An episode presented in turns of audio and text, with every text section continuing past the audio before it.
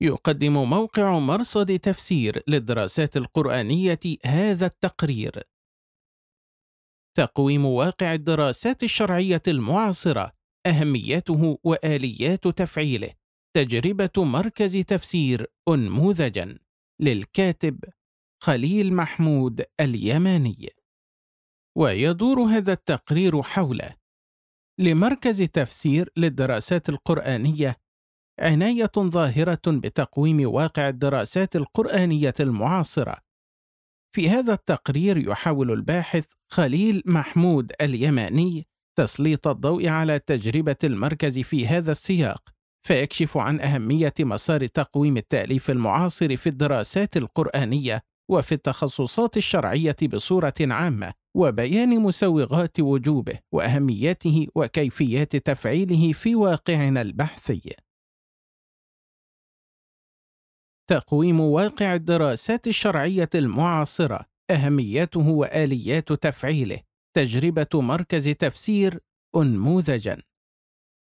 مدخل بزغ فجر العلوم والمعارف الإسلامية منذ قرون عديدة، وقد أثمرت هذه العلوم عبر هذه القرون الطوال تراكمًا معرفيًا هائلًا في مجالات متنوعة وميادين متعددة، وهو ما صرنا نتكلم عنه الآن بوصفه التراث الإسلامي، ونتعاطى بتحليله والقيام بدرسه من مناح متعددة، ونبني مواقفنا العلمية الحالية في ضوئه، سواء قبولا لمعطياته أو ردا لها، أو تطويرا لجوانب منها ومتابعة البناء عليها إلى آخره. إن وجود هذا التراث من العلوم الشرعية الممتدة أفقيا في اتساعه ورأسيا في قدمه في عمق الزمن جعلنا في الدرس الشرعي بإزاء نمطين التراث ودراسة التراث. وبغض النظر عن التحديدات المنهجية للميز بين ما يكون تراثا وما يكون درسا لهذا التراث وطبيعة الأنساق والأسباب العلمية التي يجري من خلالها الحكم على ما هو قديم وما هو معاصر من المعرفة.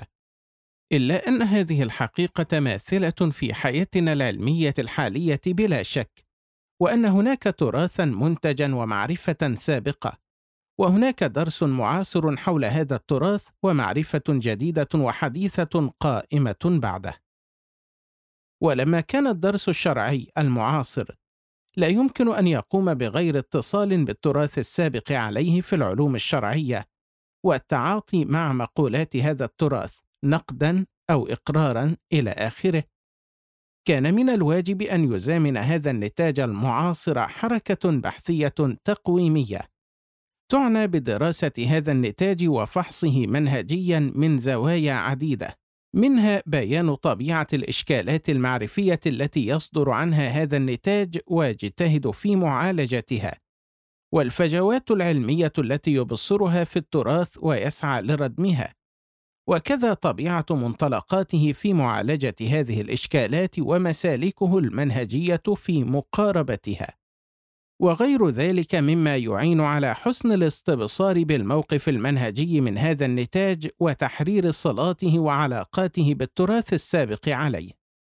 وطبيعة الأشواط التي قطعها في مجاله والوقوف على ما له وما عليه بصورة علمية دقيقة. وكذا بيان مزايا هذا التأليف وعيوبه في ذاته والصلة بين طارفه وتليده. ورصد مواطن التكرار فيه والابتكار وتبين مساحات التقليد وزوايا التجديد إلى آخره خاصة مع ما نشهده من اندياح دائرة هذا التأليف وكثرته وتزايد عدده في مختلف مناحي المعارف والتخصصات الشرعية. وفي ضوء ذلك فإننا سنحاول في هذا التقرير تسليط الضوء على مسار تقويم التأليف المعاصر في التخصصات الشرعية وبيان مسوغات وجوبه وأهميته وكيفيات تفعيله في واقعنا البحثي خاصة ما يتعلق بتقويمه من جهة تحرير علاقاته بالتراث السابق عليه لأسباب يأتي ذكرها. وذلك انطلاقا من واقع تجربة حية ملموسة لمركز تفسير للدراسات القرآنية وما له من عناية عملية بهذا التوجه التقويمي لحركة التأليف المعاصر في حدود اختصاص هذا المركز وهو مجال الدراسات القرآنية، حيث نسلط الضوء على هذه التجربة وكيفية استثمارها بصورة عامة في إثراء حركة تقويم التأليف الشرعي المعاصر. مسار تقويم واقع الدراسات الشرعية المعاصرة، أهميته وضرورته. حملت الأزمان الأخيرة تراجعا هائلا للحضارة الإسلامية على صعد مختلفة. وهو ما تزامن معه بطبيعة الحال تراجع علمي ضخم وانقطاع طويل عن تتابع الإنتاج المعرفي في العلوم الشرعية وضعف شديد في التكوين العلمي الشرعي وفقر في حيازة الأدوات المعرفية والمنهجية اللازمة للبحث في القضايا التراثية. وبغض النظر عن طبيعة الأسباب التي أفضت إلى ذلك إلا أن هذا الأمر جعل من قضية الاستيعاب المدقق والمتكامل للتراث السابق في القضايا التي يتصدى لها الدرس المعاصر تمثل إشكالية في ذاتها يحتاج للتثبت منها في الدرس والتأكد من سلامة حصولها ووقوعها منهجيا في المقاربة على نحو صائب.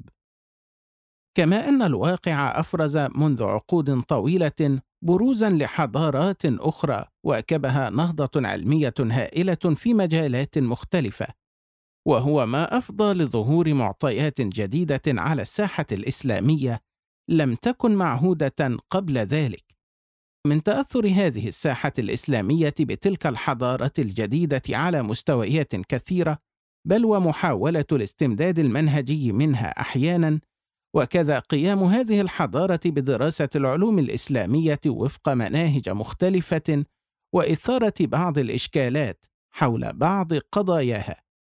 وغير ذلك مما يكون له انعكاسات كثيرة بلا شك على نظرتنا للتراث وقضاياه وطريقة التعامل معه وفهمه وفق نسقه المنهجي وأنموذجه المعرفي الخاص وغير ذلك مما يمثل الخلل فيه معوقا ظاهرا عن إحداث تراكم علمي صحيح وفق مشروطية بناء المعارف في هذا التراث والمنطلقات الكلية للتعامل معه. وظاهر من ذلك أهمية وجود حركة بحثية تقويمية للنتاج الشرعي المعاصر المشتغل بدراسة القضايا ذات الصلة بالتراث الإسلامي العلمي. ويكون أحد أبرز أولويات المشاغل التقويمية لهذه الحركة هو تقويم مقدار اتصال الدرس المعاصر بالتراث السابق عليه. وكيفية تعاطي هذا الدرس مع التراث؟ وهل أحسن في استيعابه وهضمه في القضايا التي يتناولها؟ ما يجعله يمثل امتدادا منهجيا للتراث ولبنة في صرحه. أم أنه لم يتمكن من ذلك؟ فلم يتحقق بوجوده تكامل التراكم المعرفي السليم على التراث في هذه القضايا التي تصدى لدراستها. وكذلك تقويم طريقة بنائه لإشكالاته المعرفية ومنطلقاته في مقاربتها وغير ذلك مما يبين مقدار عمق اتصاله بالتراث السابق وجدوى القيمه المعرفية التي تحققت مع هذا الدرس وإلى أي مدى استطاع سد الثغرات المعرفية التي انتصب من أجلها. إننا أمام تراث كبير منتج تقع على عاتقنا ليس فقط ضرورة فهمه وإنما كذلك تقويمه ومعرفة جوانب قوته وضعفه ثم متابعة البناء عليه وهو أمر يحتاج لأدوات عديدة جدا صار بيننا وبين تحصيل الكثير منها العديد من العقبات وإن طبيعة البحث العلمي تقوم على وجود إشكال معرفي غير معالج فيما سبق من درس ومن ثم ينتصب البحث لمعالجته ودرسه وهكذا يستمر التتابع العلمي وتراكم المعرفة. ولهذا كان من الأهمية بمكان في ضوء ما تقتضيه أعباء أمانة وجود هذا التراث العظيم ضرورة القيام بوقفة تقويمية إزاء النتاج الشرعي المعاصر تقوم بفحص هذا النتاج خاصة فيما يتعلق بطبيعة علاقته بالتراث وتحرير هذه العلاقة وتأمل جدوى حصاده في ضوء طبيعة الإشكالات التي انتهض لمعالجتها. فهذا ما يجعلنا نتبصر بطبيعة الموقف من هذا النتاج والحكم العلمي والمنهجي عليه سلبا أو ايجابا ومعرفة نقاط القوة التي أفضت به لبلوغ غاياته والعمل على تعزيزها. ونقاط السلب التي صدته عن تحقيق بعض أهدافه والحرص على تلافيها. وكذا امتلاك زمام التعامل المنهجي مع التراث بصورة عامة وحسن الفهم له وحيازة مداخل العمل في داخل أروقته. إن البحث الشرعي المعاصر آخذ منذ عقود في التراكم بصورة هائلة، حيث تظهر المؤلفات تلو المؤلفات وتتتابع في بعض المسارات المعرفية التي يشققها بعض الدارسين، والتي قد تعتبر أحيانًا من قبيل التجديد للتراث، ونشهد ولادة اصطلاحات جديدة أحيانًا في هذا التأليف، وإعادة استدعاء لاصطلاحات تراثية وفق حمولة مفاهيمية جديدة. وتشقيق لمجالات وعلوم جديدة باعتبارها مكملة للتراث إلى آخره ولا يعرف على وجه الدقة طبيعة صلة هذا النتاج المعاصر بالتراث وكيفيات تعاطيه معه وما إذا كان يمثل تجليا جادا للتراث وتجديدا مكملا له فيما يقوم به من درس. وما هي الإشكالات المعرفية الكلية التي صدر عنها هذا النتاج وكيفيات مقاربته لها والمسارات التي انتظم فيها لبلوغ غاياته؟ وكذلك القيمة المعرفية التي تحققت معه وإلى أي مدى استطاعت التآليف المعاصرة بتتابعها سد الثغرات التي قام من أجلها. إلى آخر تلك الأسئلة المهمة التي تستلزم تقويما جادا للتأليف المعاصر للإجابة عنها. إن الناظر في واقع التأليف المعاصر في التخصصات الشرعية يلحظ الكثير من المشروعات التي تزخر بها الساحة العلمية، والتي قد يتبلور بعضها بصورة خاصة في هيئة مسار معرفي تجديدي يكون له اصطلاحه الخاص ويتتابع الدارسون على الكتابة فيه، كونه يحمل فكرة تجديدية ممتدة ويقوم على إشكال معرفي كبير يلزم انتهاض وتتابع الدراسات لمعالجته. ولا شك أن هذا اللون من الدرس ربما تكون له أولوية عن غيره في اختصاصه بالتقويم لأن تحرير مسار معرفي تجديدي للتراث يمثل علما قائما برأسه له اصطلاح ومفهوم يتتابع الكتبة على التأليف تحت رايته.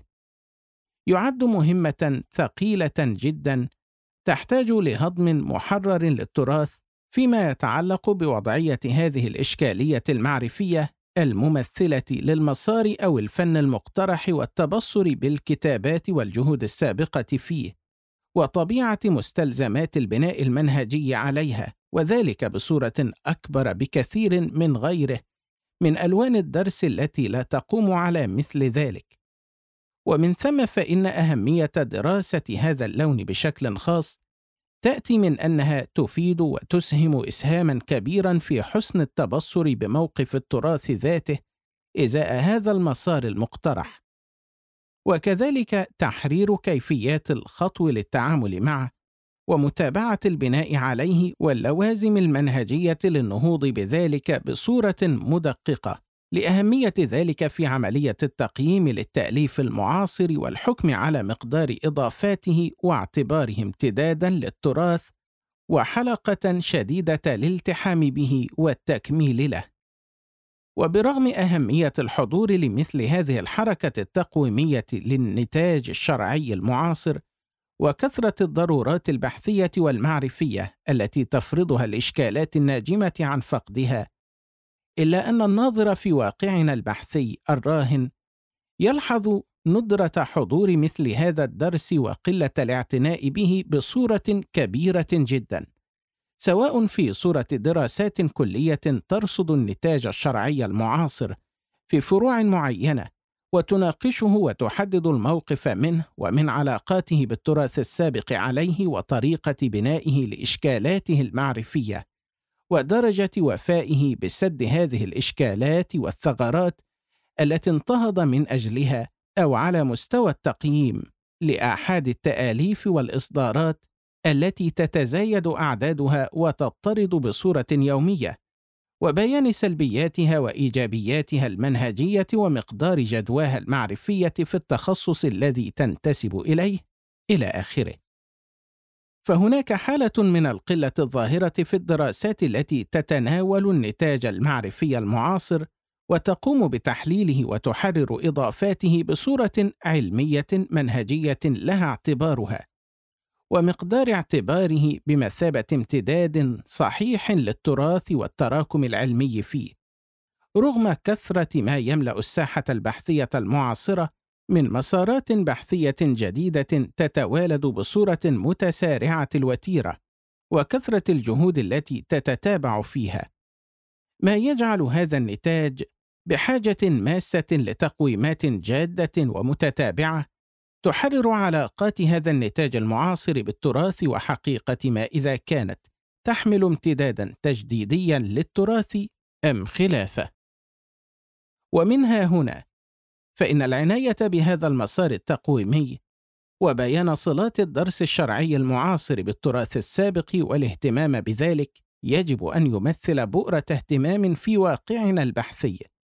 وهذا ما سنحاول أن نبسط الكلام فيه من خلال استعراضنا لتجربة عملية في القيام به وهي تجربة مركز تفسير للدراسات القرآنية.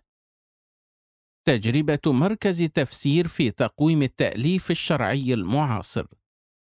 يعتبر مركز تفسير للدراسات القرآنية واحدا من أبرز المراكز المعاصرة ذات الاهتمام بمجال علوم القرآن والدراسات القرآنية. فهو مركز متخصص في خدمة هذا المجال وتدور رؤيته العامة حول تطوير مجال الدراسات القرآنية والارتقاء به على صعد مختلفة. وله في ذلك عدد من المشروعات والأعمال العلمية المتنوعة. وإن الناظر في المشروعات المتعلقة بهذا المركز وما يصدر عنها من أعمال علمية يلحظ أن له اهتماما بارزا بالخط التقويمي للمؤلفات المعاصرة في المجال الذي يعمل فيه. وهذه العناية يمكن لحظها عمليا في مسارين وهما الأول تقويم المؤلفات في مسار معرفي محدد. الثاني التقويم المنهجي لآحاد المؤلفات. فأما المسار الأول فيستهدف تقويم واقع جملة محددة من التآليف المعاصرة ضمن مسار وفرع معرفي معين في الدراسات القرآنية، وعقد دراسات متنوعة حول هذه التآليف تبرز واقعها وتظهر سلبياته وإيجابياته، وهذا المسار يبرز في النتاج المطبوع للمركز بصورة خاصة، حيث أصدر المركز دراسات مطبوعة في هذا الصدد.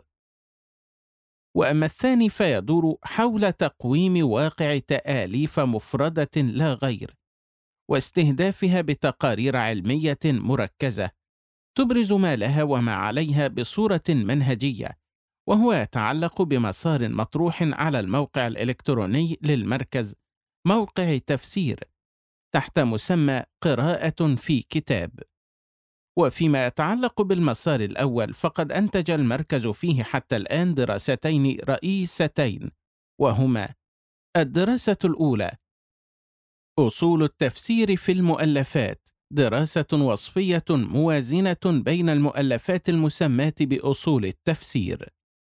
الدراسة الثانية التأليف المعاصر في قواعد التفسير دراسة نقدية لمنهجية الحكم بالقاعدية.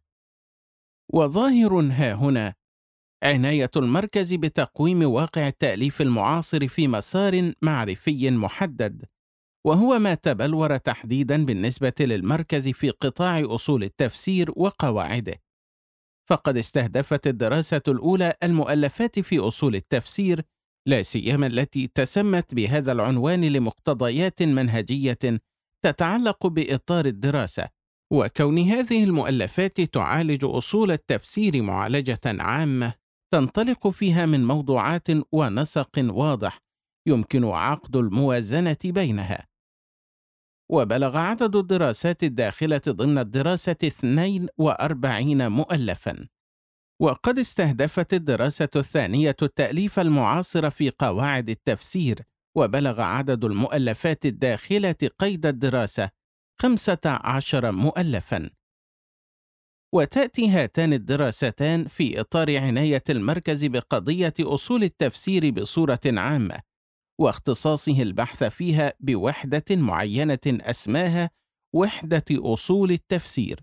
والتي تهدف لترتيب البحث في هذا المجال.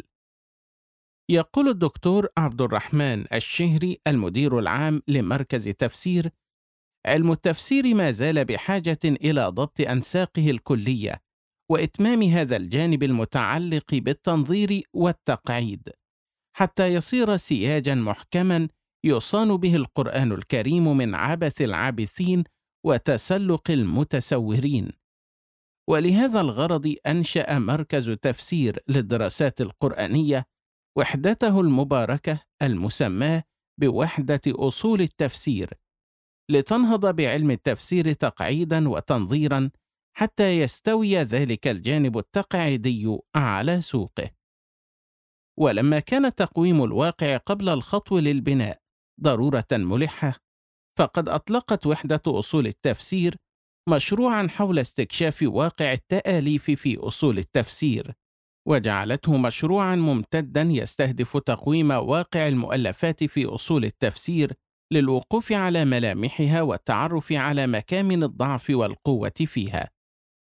وجاءت الدراسة المتعلقة بالمؤلفات في أصول التفسير باكورة انطلاق لهذا المشروع الكبير ولبنة أولى فيه. وأما الدراسة المتعلقة بالتأليف المعاصر في قواعد التفسير فكانت الحلقة الثالثة في حلقات هذا المشروع. وقد عقد المركز حولهما كما مر عددا من حلقات النقاش ما يدل على عنايته الظاهرة بهذا المسار التقويمي بصورة خاصة. ومما يلاحظ أن تقويم واقع هذا المجال لم يتوقف بالنسبة للمركز على تقييم الحصاد المطبوع، وإنما وظف كذلك بعض الأدوات الأخرى في استكشاف الواقع وهي الدراسات الاستطلاعية لآراء المتخصصين.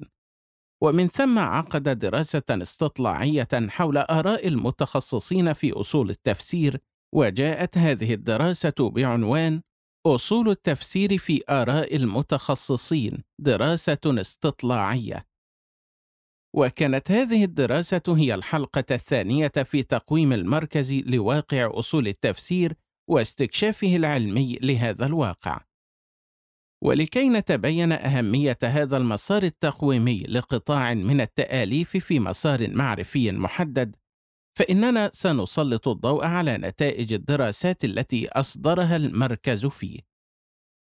إن ضعف العناية بأصول التفسير وقواعده مثل إشكالا عبر التاريخ كما هو معلوم، فالتفسير رغم كثرة مصنفاته التطبيقية، إلا أن جانبه النظري لم يتوفر الدارسون على تحريره عبر التاريخ.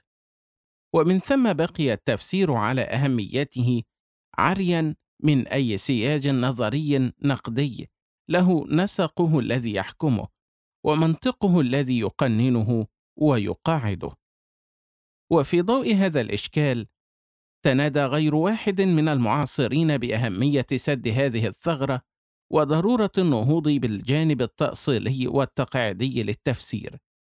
وهو الأمر الذي استجاب له التأليف المعاصر في الدراسات القرآنية استجابة واسعة تبلورت في مسارين كبيرين. أحدهما انتهض للكلام في أصول التفسير والثانيهما انتهض لمعالجة قواعد التفسير. وقد تصدت الدراستان السابقتان لتقويم التأليف المعاصرة في أصول التفسير وقواعده وتحرير الموقف من حصاد هذه الدراسات. وقد أثبتتا خللا منهجيا كبيرا جدا في الدراسات في كلا المسارين كان مانعا من اعتبارهما بمثابة امتداد للدرس الحاصل قبلهما في التراث وتكميل له.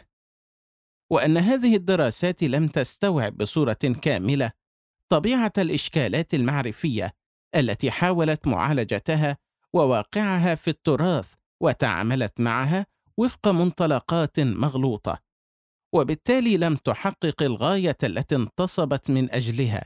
وصار إشكال ضعف الجانب النظري للتفسير في التراث على حاله لم تؤثر فيه هذه الدراسات ولم تفد في رفعه رغم كثرتها وتتابعها وضخامة الجهد المبذول فيها. فأما الدراسة الأولى فكشفت عن وجود اضطراب في مفهوم أصول التفسير بين الدراسات، وأنها بلا أي محددات منهجية فيما يتعلق بنسق الموضوعات التي يمكن أن تكون لأصول التفسير. وأن إطار الموضوعات التي درجت عليه يرجع لتأثر التآليف المعاصرة ببعض المؤلفات لا غير وكذا فيما يتعلق بمجال استمداد أصول التفسير حيث كشفت أن كتب التفسير غابت عن المؤلفات كمصادر فاعلة في تشكيل بنية مادة أصول التفسير. ما جعل مادة المؤلفات غير مؤسسة منهجيا بطريقة صحيحة وفيها تقريرات مصادمة لتطبيقات المفسرين. وأما الدراسة الثانية فقد تصدت لمناقشة منهجية الحكم بالقاعدية لدى التاليف المعاصر في قواعد التفسير وقد أبانت عن نتيجة صادمة إلى حد بعيد جدا حيث أظهرت غلط التأليف المعاصر في هذه المنهجية. ومن ثم أبطلت سائر القواعد التي أتى بها ونسبها للتفسير.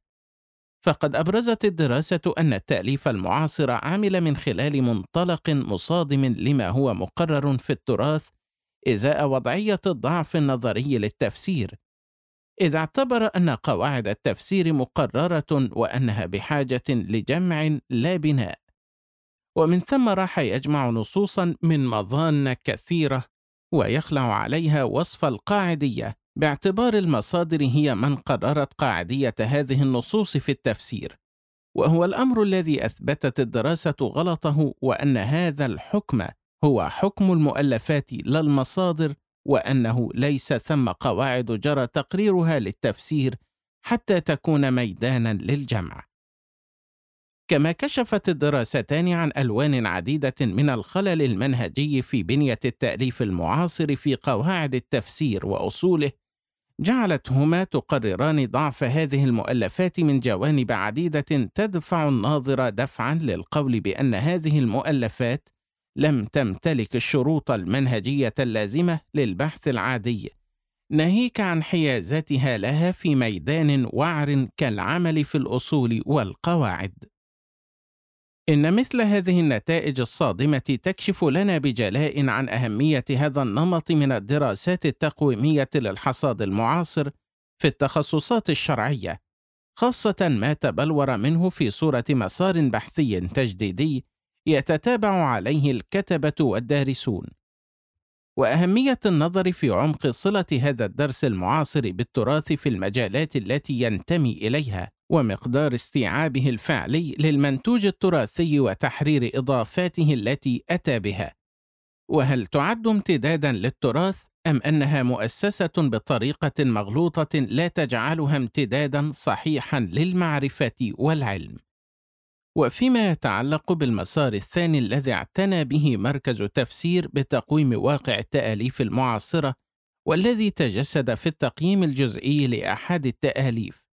فإن هذا المسار ظهر اعتناء المركز به على موقعه موقع تفسير على الشبكة العنكبوتية حيث أطلق الموقع مسارا خاصا أسماه بقراءة في كتاب.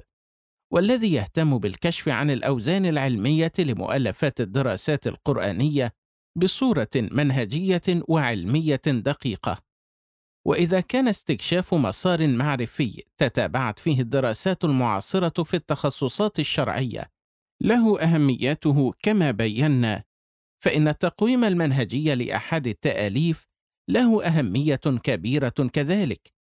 ذلك أن التأليف المفرده تنصب لمعالجة إشكالات معرفية كذلك. ولا بد من النظر في مدى وفاء هذه التأليف بمعالجة هذه الإشكالات وما حققته من إنجاز معرفي. وبيان طبيعة الأوزان العلمية لهذه التأليف في التخصصات التي تنتمي إليها. وأيها أحرى بالتقديم من غيره.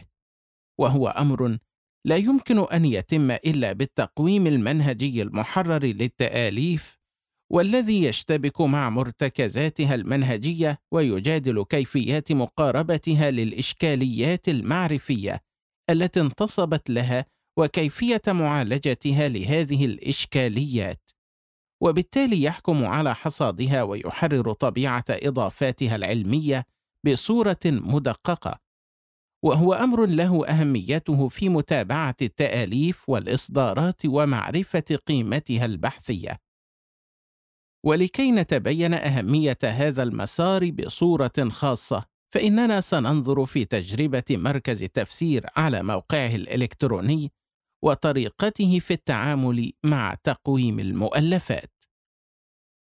إن الناظر في الفضاء الإلكتروني وحركة التقويم من خلاله لأحد التآليف الشرعية التي تصدر هنا وهناك فإن غاية ما قد يجده هو عرض للمؤلفات وجديد الإصدارات وسرد لمحتوياتها وبيان أهميتها اجمالا أو الكلام عليها مدحا أو قدحا في ضوء منطلقات أيديولوجية معينة. ولا شك أن العرض العام لجديد المؤلفات وإن كان مفيدا إلا أنه لا يكشف عن طبيعة الوزن العلمي للمؤلفات وإبراز مدى قيمتها النوعية في حقلها وإضافتها في تخصصها وجوانب إبداعها وتجديدها وقيمة الإشكال المعرفي الذي انبثقت عنه إلى آخره. وأما الكلام عليها في ضوء منطلقات أيديولوجية معينة فلا يعدو كونه نوعا من الدعاية للكتب أو التحذير منها تبعا لموافقتها أو مخالفتها لهذه المنطلقات الأيديولوجية لا أكثر. إننا حين ننظر للطريقة التي درج عليها موقع مركز التفسير في تقويم التآليف في باب الدراسات القرآنية نجده على خلاف ذلك تماما. حيث يهتم بالقيام بقراءات منهجية مركزة للتاليف التي تصدر تباعا في حقل الدراسات القرآنية لتحقيق جملة أغراض رئيسة. تسليط الضوء على طبيعة الواقع الحالي للتأليف في حقول الدراسات القرآنية وكشف جوانب القوة والضعف فيه وتحديد مواطن النضج والقصور. فتح آفاق بحثية ومجالات معرفية للباحثين عبر ما تثيره هذه القراءات من إشكالات وملحوظات على المؤلفات وحركة التأليف. بيان حقيقة الجهود المبذولة في مؤلفات الدراسات القرآنية تمهيدا لمحاولة إتمامها. بلوره العديد من المقترحات اللازمة التي تسهم بدورها في رسم ملامح أفق تطوير واقع البحث في الدراسات القرآنية وتحسينه. فتح الأبواب أمام الدارسين للعديد من الدراسات المعمقة حول واقع التأليف في الدراسات القرآنية بمساراتها المتنوعة. فتح الباب أمام عمل دراسات تقويمية أكثر توسعا وعمقا في فروع الدراسات القرآنية عبر ما تثيره هذه القراءات من إشكالات وملحوظات. إثراء حركة النقد المنهجي في الساحات العلمية وتنميتها في الفضاء البحثي بصورة عامة لأهميتها وضرورتها في النهوض بالواقع البحثي والارتقاء به. ولا شك أن هذه الأهداف تنحو لتحقيق طريقة من التقويم العلمي للتآليف تحرر هذا التقويم من الأنساق الأيديولوجية التي تنتشر في واقعنا المعاصر وتقطع عملية التقويم عن بلوغ أغراضها وتجعلها بعيدة عن التقويم العلمي الراشد وبيان حقيقة الأوزان العلمية للتآليف والإصدارات.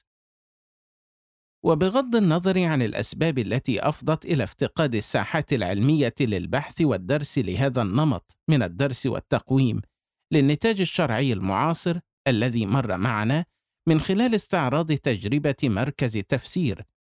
فإن افتقاد الساحة له يؤثر سلبا وبلا شك على الواقع المعرفي العام وكيفيات القراءة لهذا التتابع العلمي الحاصل ومشروطية اعتباره امتدادا للتراث وبناء عليه في القضايا التي يتناولها. وغير ذلك مما يسهم في استرداد الوعي بالتراث ذاته وتحرير مداخله المعرفية اللازمة لحسن التعاطي معه وإعادة الاتصال به والتبصر بإشكالاته وثغراته ومسارات البحث اللازمة لمعالجتها.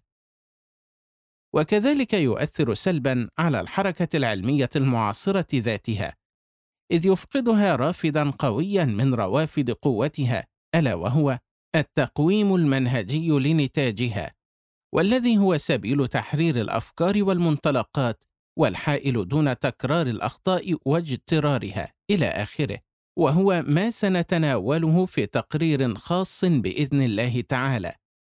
إننا وفي ضوء ما عرضناه من تجربة مركز التفسير للدراسات القرآنية في خط استكشاف وتقويم التآليف سواء بصورة شاملة أو جزئية في باب الدراسات القرآنية.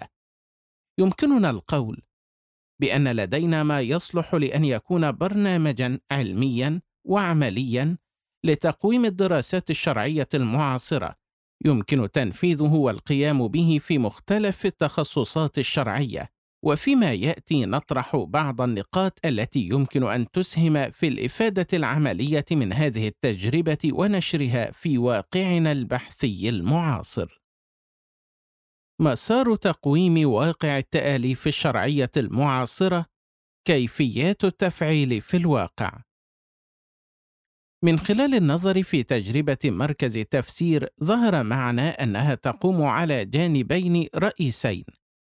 أحدهما لتقويم الدراسات في مسار معرفي محدد والآخر في التقويم الجزئي لأحد التآليف التي تصدر تباعا. ولا شك أن بين المسارين تكاملا ظاهرا في عملية استكشاف وتقويم واقع الدراسات والتآليف الشرعي المعاصر. إذ التقويم الجزئي للتآليف يعين على عقد دراسات موسعة حول مسار معين في أبواب الدراسات القرآنية ويدفع إليه. وهو ما يبرز توجها لدى المركز في هذا الباب وأنه يمتلك برنامجا علميا متكاملا فيه.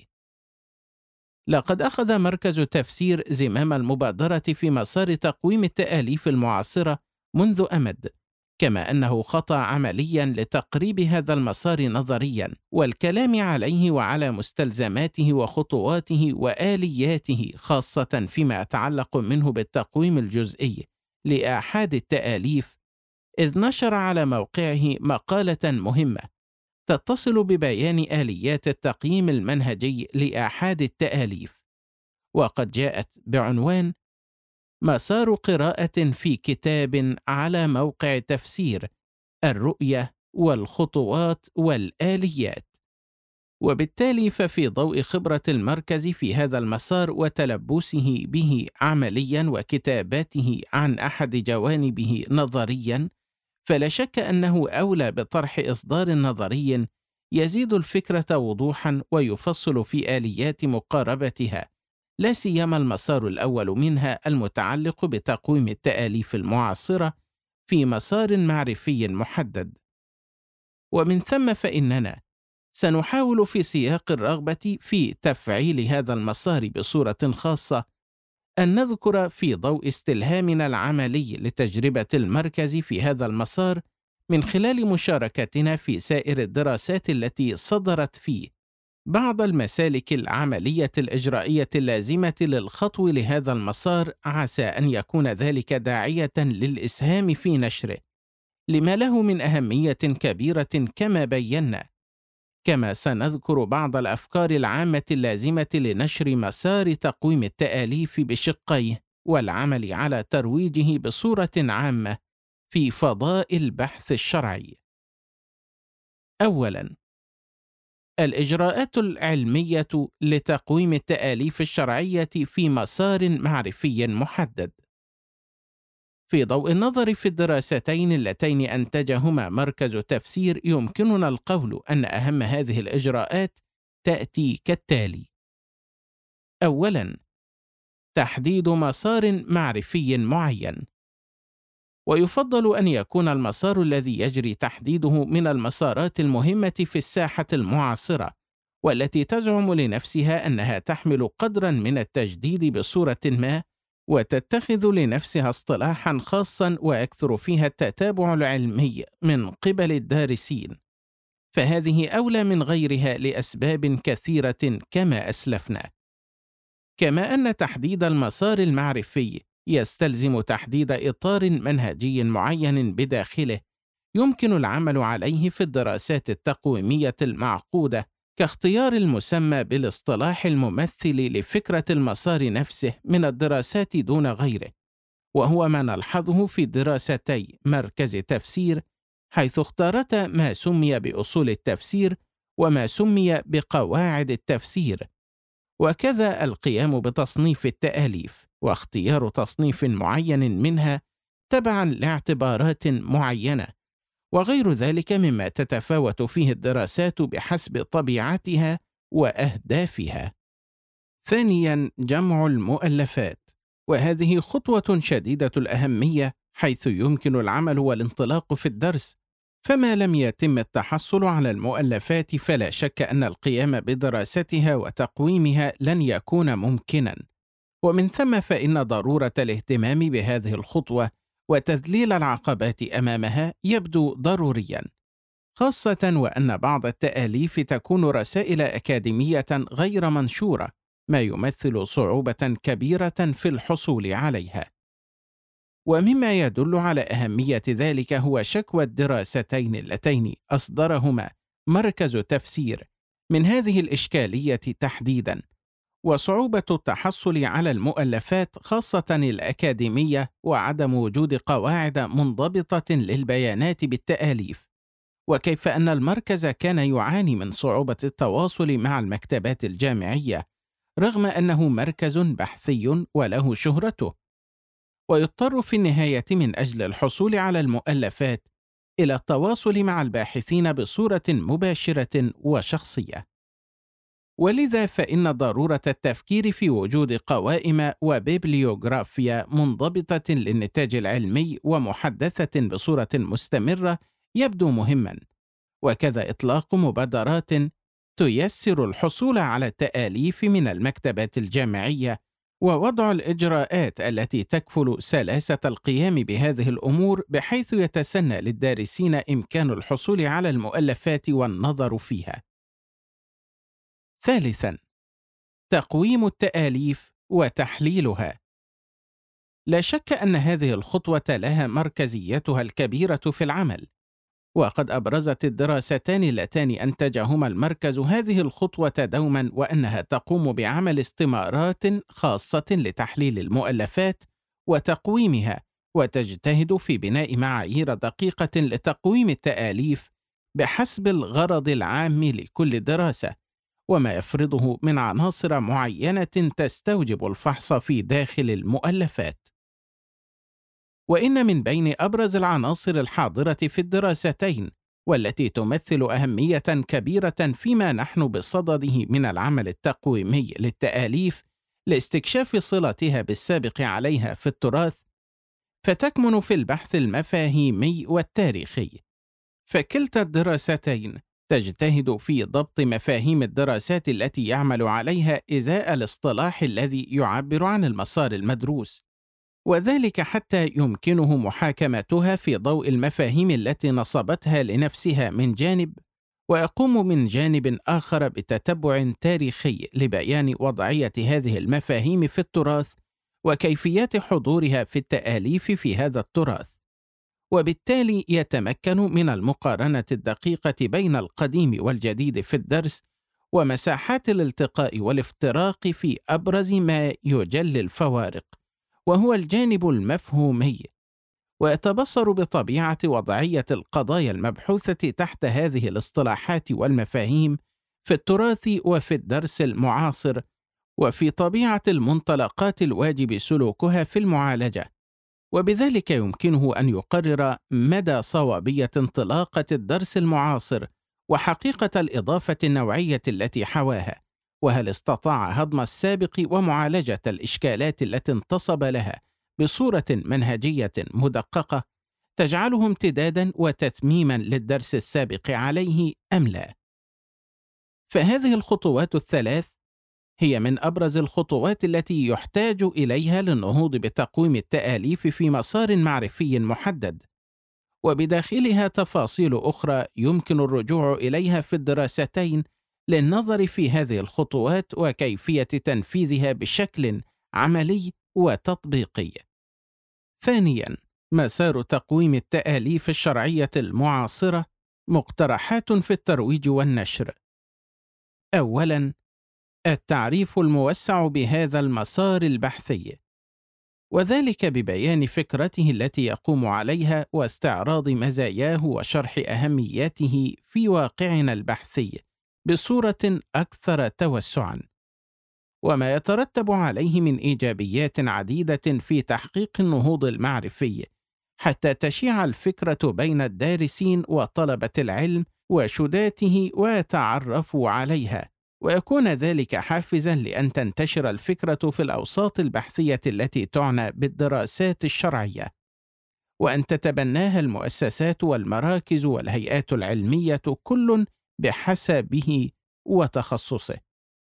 ومن الممكن ها هنا أن يقوم مركز تفسير في ضوء طول تلبسه بهذا المسار بإصدار مخرج نظري متكامل فيه يبرزه نظريا وعمليا ويجلي خطواته المنهجية ومستلزماته سواء أكان ذلك من خلال المركز أو بالتشارك مع غيره من المهتمين بالهم المعرفي في واقعنا البحثي الشرعي والعمل على النهوض به. ثانيا الدعم والتشجيع وذلك بعقد ورش عمل نظرية تطبيقية للتدريب على النسق المنهجي في البحث ومشروطيته. وإكساب الباحثين الدربة على الممارسة البحثية الرامية لتقويم المرتكزات المنهجية في التآليف وكيفية الإمساك بالأزمة الكلية عمليا وتطبيقيا ومجادلة البنى التي تتأسس عليها أنساق المعلومات والمضامين في التآليف ومستلزمات تقويم المسالك البحثية الكلية لمعالجة القضايا المعرفية وما يلزم في كل مسلك بحسب طبيعة مقاربته. ويمكن أيضا في سياق تشجيع المسار بين الدارسين السعي إلى إيجاد محفزات عديدة تدفع الباحثين للمشاركة فيه. ومن ذلك اعتماده في الجامعات. فيمكن اعتماد هذا المسار في الجامعات لطلاب الدراسات العليا وفي بحوث الماجستير والدكتوراه في مختلف التخصصات. وحفز الباحثين على القيام بدراسات تقويمية خاصة لمسارات معرفية في التخصصات التي ينتسبون لها في بحوثهم ورسائلهم العلمية التي يقومون بها. عقد مسابقات دورية فيه وذلك بغرض ترويج فكرة المسار وحث الباحثين على المشاركة فيها حيث يمكن للمواقع الإلكترونية أن تقوم بطرح مسابقات دورية في تقويم أحد التآليف كما قام بذلك موقع مركز تفسير مؤخرا. وكذا يمكن للمراكز أن تقوم بطرح مسابقات ومنح بحثية في مسار تقويم التآليف في مسارات معرفية معينة اسهاما منها في التشجيع على شيوع هذا المسار خاصة في آفاقنا البحثية. وتوفير الدعم والإمكانات المادية للباحثين. إن التراكم العلمي المعاصر في التخصصات الشرعية يزداد يوما بعد آخر وهو ما يقضي بضرورة ملاحقة هذا النتاج العلمي بالبحث والدرس والتقويم لمعرفة طبيعة صلته بالتراث السابق وكيفيات بنائه لإشكالاته المعرفية ومنطلقاته المنهجية في تعاطيه في درسها. وكذلك معرفة طبيعة أوزان هذا التأليف وإضافاته بصورة منهجية للتنبيه على جيده ليفيد منه الدارسون وبيان مداخل الغلط في بعضه ليتجنبها الباحثون. وهو الأمر الذي ينعكس على تعاطينا مع التراث وحسن فهمه ومتابعة البناء عليه وامتلاك العدة المنهجية اللازمة لحسن الاتصال به. وكذا يفيد في واقعنا البحثي المعاصر إفادات متعددة ويعمق النظر النقدي والتقويمي الذي لا تخفى أهميته في دفع الحركة البحثية والانتقال بها نقلات نوعية. وقد قام مركز تفسير بطرح تجربة ثرية جدا ومتكاملة في هذا الميدان تستحق مزيدا من النظر والتحليل لكيفيات الإفادة منها. وهو ما حاولنا تسليط الضوء عليه في هذا التقرير وعلى سبل تفعيله واستثماره وتعميمه في واقعنا البحثي. والله الموفق. استمعتم إلى تقرير. تقويم واقع الدراسات الشرعية المعاصرة. أهميته وآليات تفعيله. تجربة مركز تفسير انموذجا. للكاتب خليل محمود اليماني.